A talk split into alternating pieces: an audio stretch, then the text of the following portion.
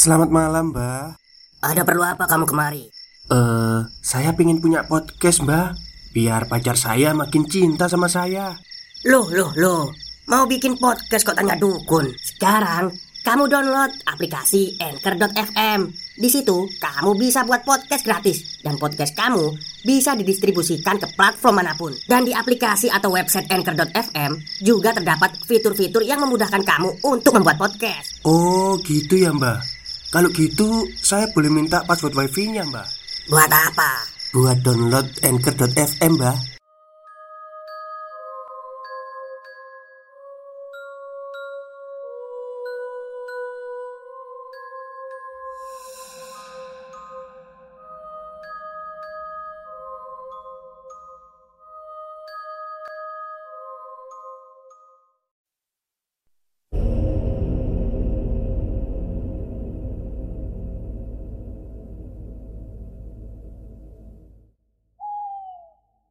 Assalamualaikum warahmatullahi wabarakatuh. Halo semuanya, jumpa lagi dengan saya Chow Sing Sing, kurator dari Podcast Horror Night Story.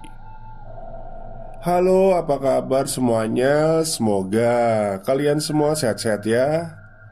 Dan seperti malam biasanya, pada malam hari ini saya kembali dan akan menceritakan sebuah kisah mistis untuk kalian semua. Kisah mistis kali ini saya dapatkan dari tweet Twitternya Mas Indrawan yang menceritakan narasumbernya yang dulu pernah bekerja di sebuah gedung bioskop yang ada di kota P. Seperti apa kisahnya? Mari kita simak. Perkenalkan namaku Dinda. Peristiwa yang kuceritakan pada kalian ini Terjadi di sekitar pertengahan tahun 2012 yang lalu. Sudah hampir lima tahun lamanya Aku bekerja di sebuah bioskop di kota P.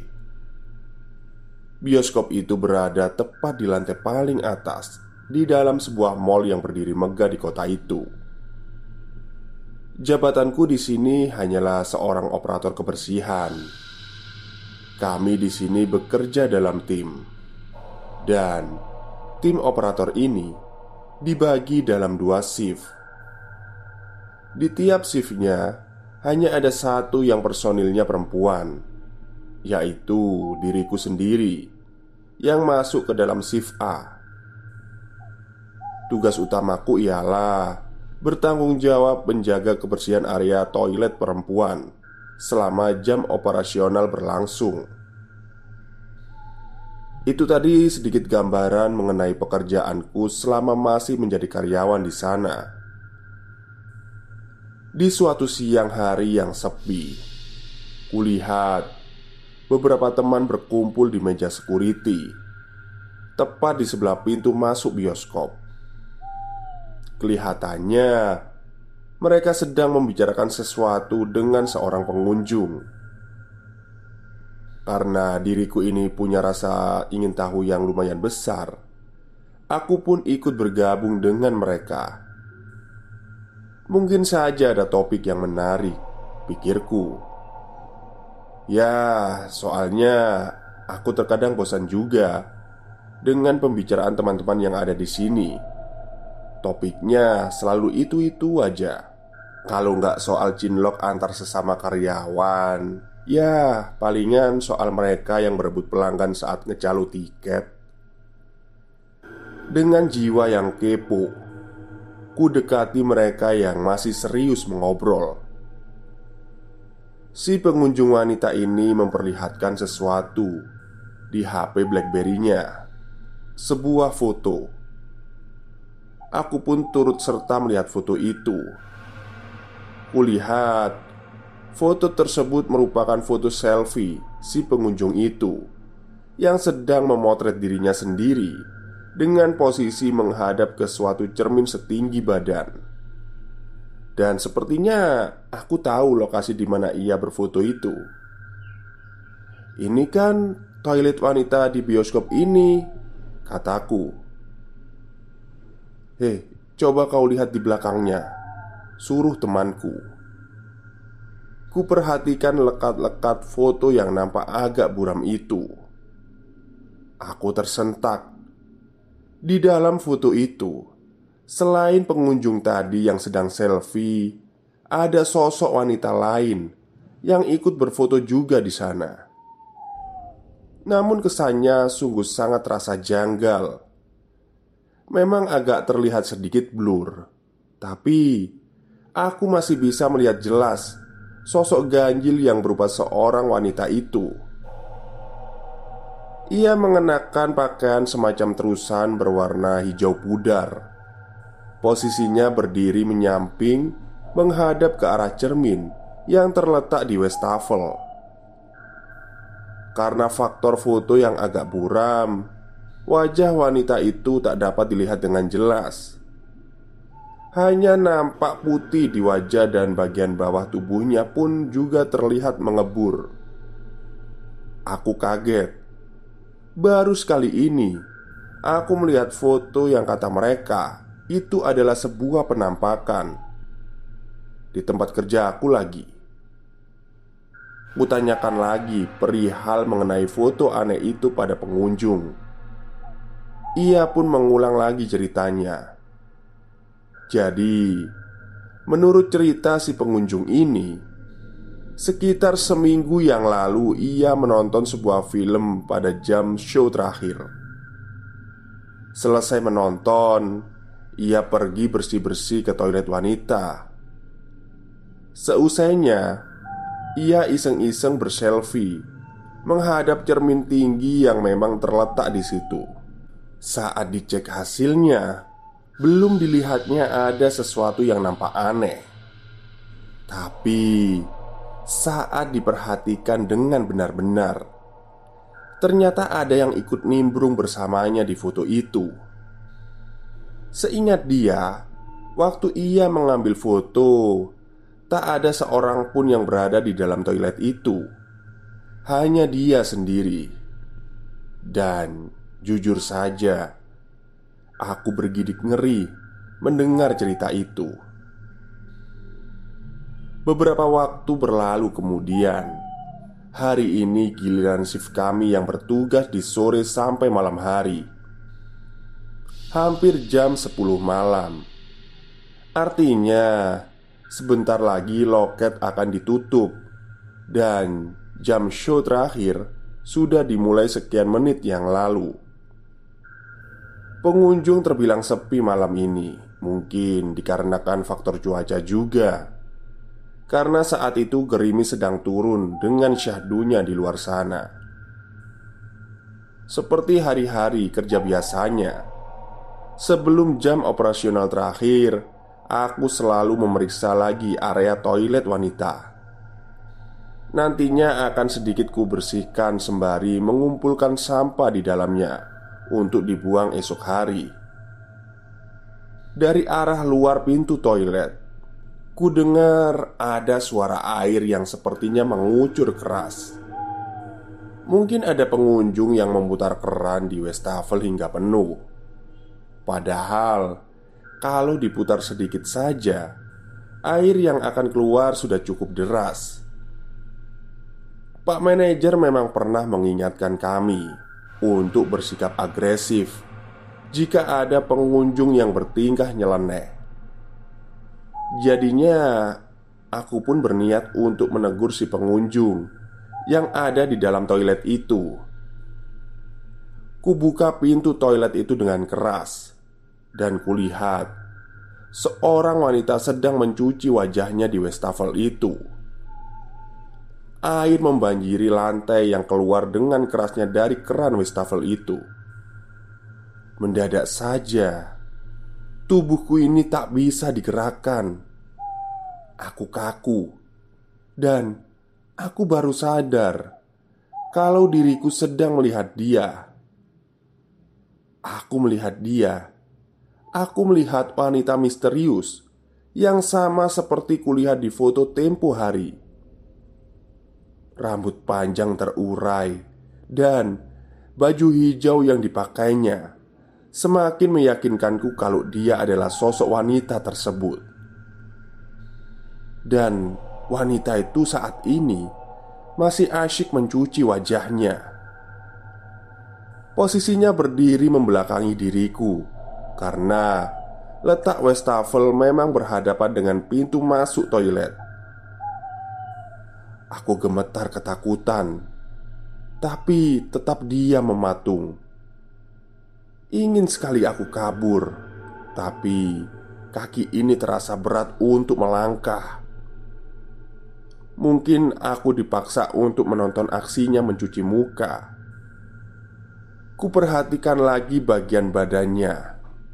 Baju terusan berwarna hijau itu dipenuhi bercak bekas tanah yang mengering, dan tubuhnya hanya terlihat sampai di bagian pinggangnya saja. Tak ada kaki di situ. Ia menggantung. Ini pasti setan. Jeritku dalam hati. Air mataku mengucur deras. Mendadak, ia menghentikan aksinya mencuci muka.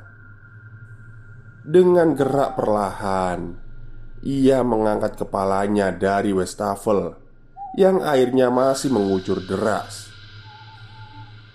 Aku ingin memejamkan mata ini, tapi entah kenapa aku tak bisa melakukannya. Dan dari arah pantulan kaca di wastafel itu, kini aku bisa melihat jelas rupa wanita itu.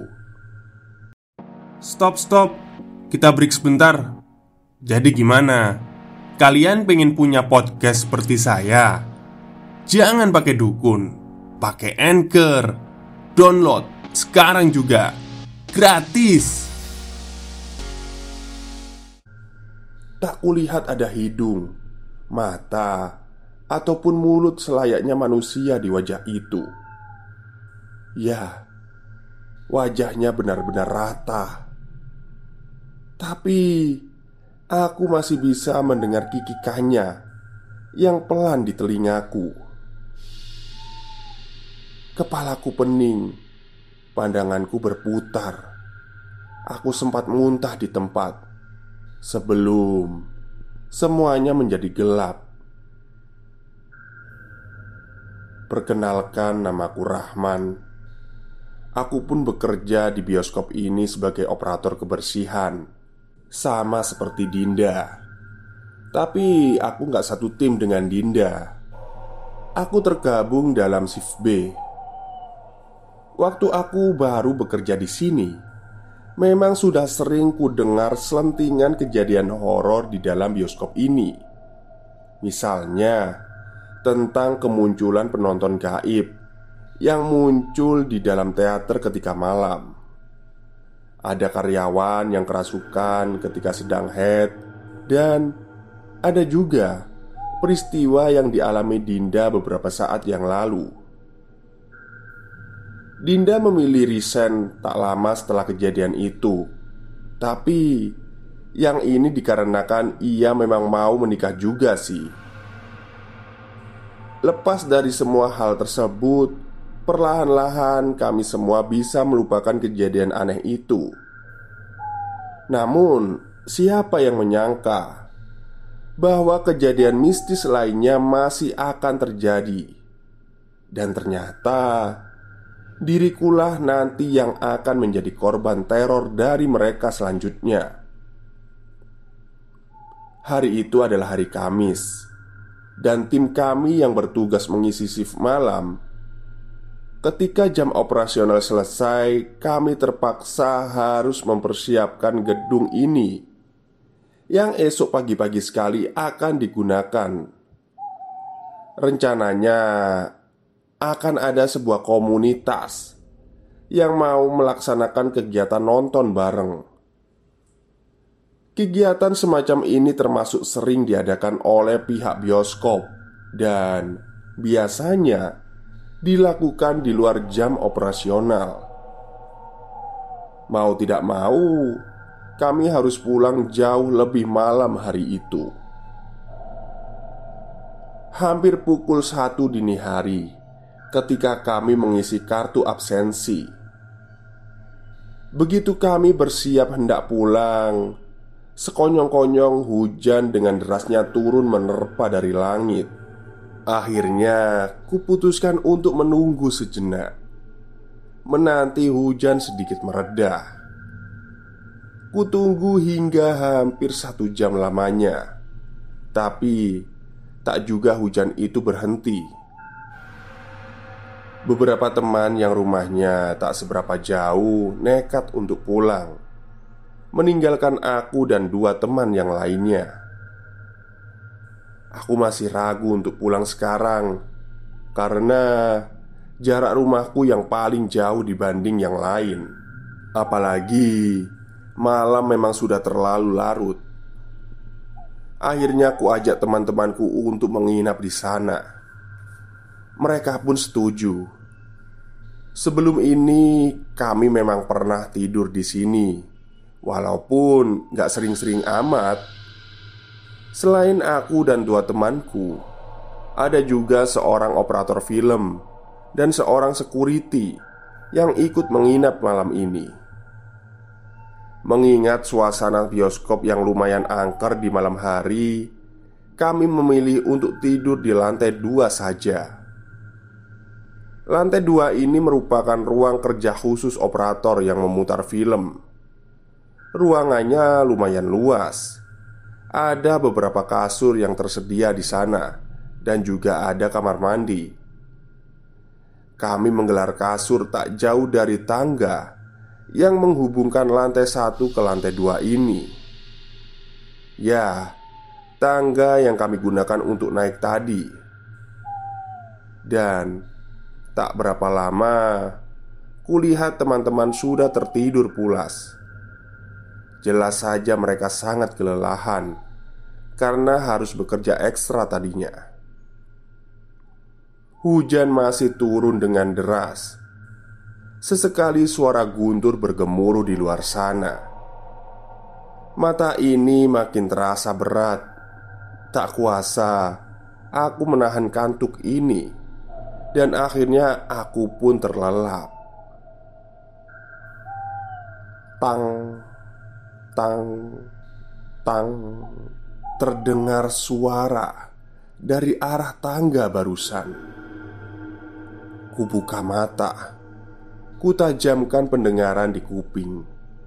Mungkin saja aku salah dengar, tapi suara itu muncul lagi dan lagi suara langkah kaki seseorang yang sedang berjalan di tangga. Tapi kedengarannya kalau seseorang itu sedang turun naik di tangga itu. Sebagai informasi, tangga penghubung itu memiliki bentuk memutar dan terbuat dari besi. Jadi, tentu saja dalam suasana yang sepi seperti sekarang, suara langkah kaki yang berjalan pelan pun masih bisa terdengar cukup jelas. Seketika aku terjaga. Langkah-langkah itu sepertinya bergerak makin cepat. Kuperiksa teman-teman yang tidur di sebelahku. Mereka tetap saja terlelap. Dan lagi-lagi, suara itu mengagetkanku. Mulai kusadari, kemungkinan hanya aku yang terbangun karena suara itu. Ini aneh. Rambut di tengkukku berdiri. Hawa di badan ini mendadak terasa dingin. Sayupku dengar suara tawa anak kecil di arah tangga putar itu. Tawanya datang bersamaan dengan suara langkah kaki yang semakin mendekati lantai atas. Tiba-tiba, dua bocah muncul dari tangga besi itu. Jelas kalau mereka berdua lah yang membuat keributan barusan. Mereka asyik terbahak-bahak sambil menatap dengan mata melotot ke arahku. Saat itu, aku menyadari jika kedua bocah itu bukanlah manusia. Bentuk rupa mereka begitu mengerikan, Keduanya berkulit legam seperti arang yang gosong. Mata mereka mencuat keluar berwarna merah. Bibir mereka berbentuk terbalik tak lazim, dan wajah kedua bocah itu layaknya seperti orang tua dengan sedikit rambut di kepalanya.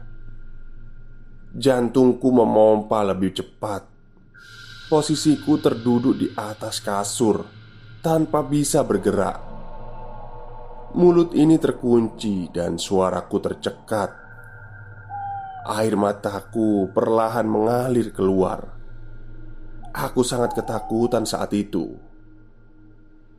Mendadak saja mereka menghentikan tawanya.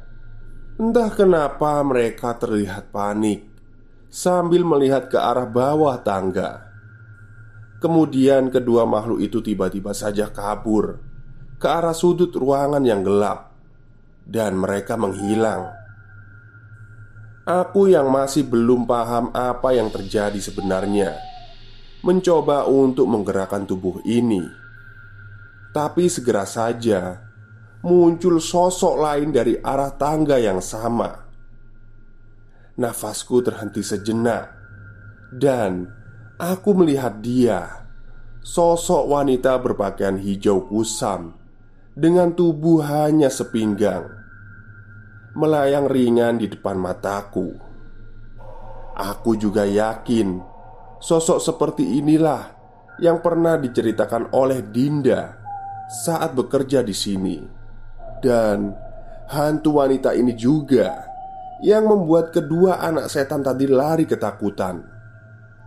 Wajar saja Penampilannya sangat mengerikan berkali-kali lipat dari mereka. Ia makin mendekati tempatku berada. Kulihat Tak ada mata ataupun hidung di wajahnya yang menakutkan. Walau tanpa mulut Ia masih bisa tertawa terkikik. Tubuhku gemetar hebat. Aku ketakutan sangat ketakutan. Diriku pun pingsan saat itu juga. Sekian untuk cerita malam ini. Terima kasih atas atensinya. Saya ucapkan selamat malam.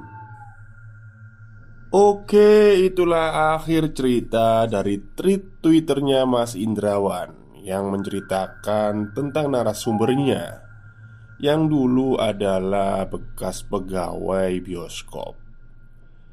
Jadi, uh, sebenarnya nggak hanya di bioskop kota itu aja ya yang angker. Banyak kok bioskop-bioskop lain di Indonesia itu yang menyimpan banyak misteri, terutama bioskop yang ada di daerah saya. Baik, mungkin itu saja yang bisa saya sampaikan pada malam hari ini. Semoga kalian terhibur. Wassalamualaikum warahmatullahi wabarakatuh.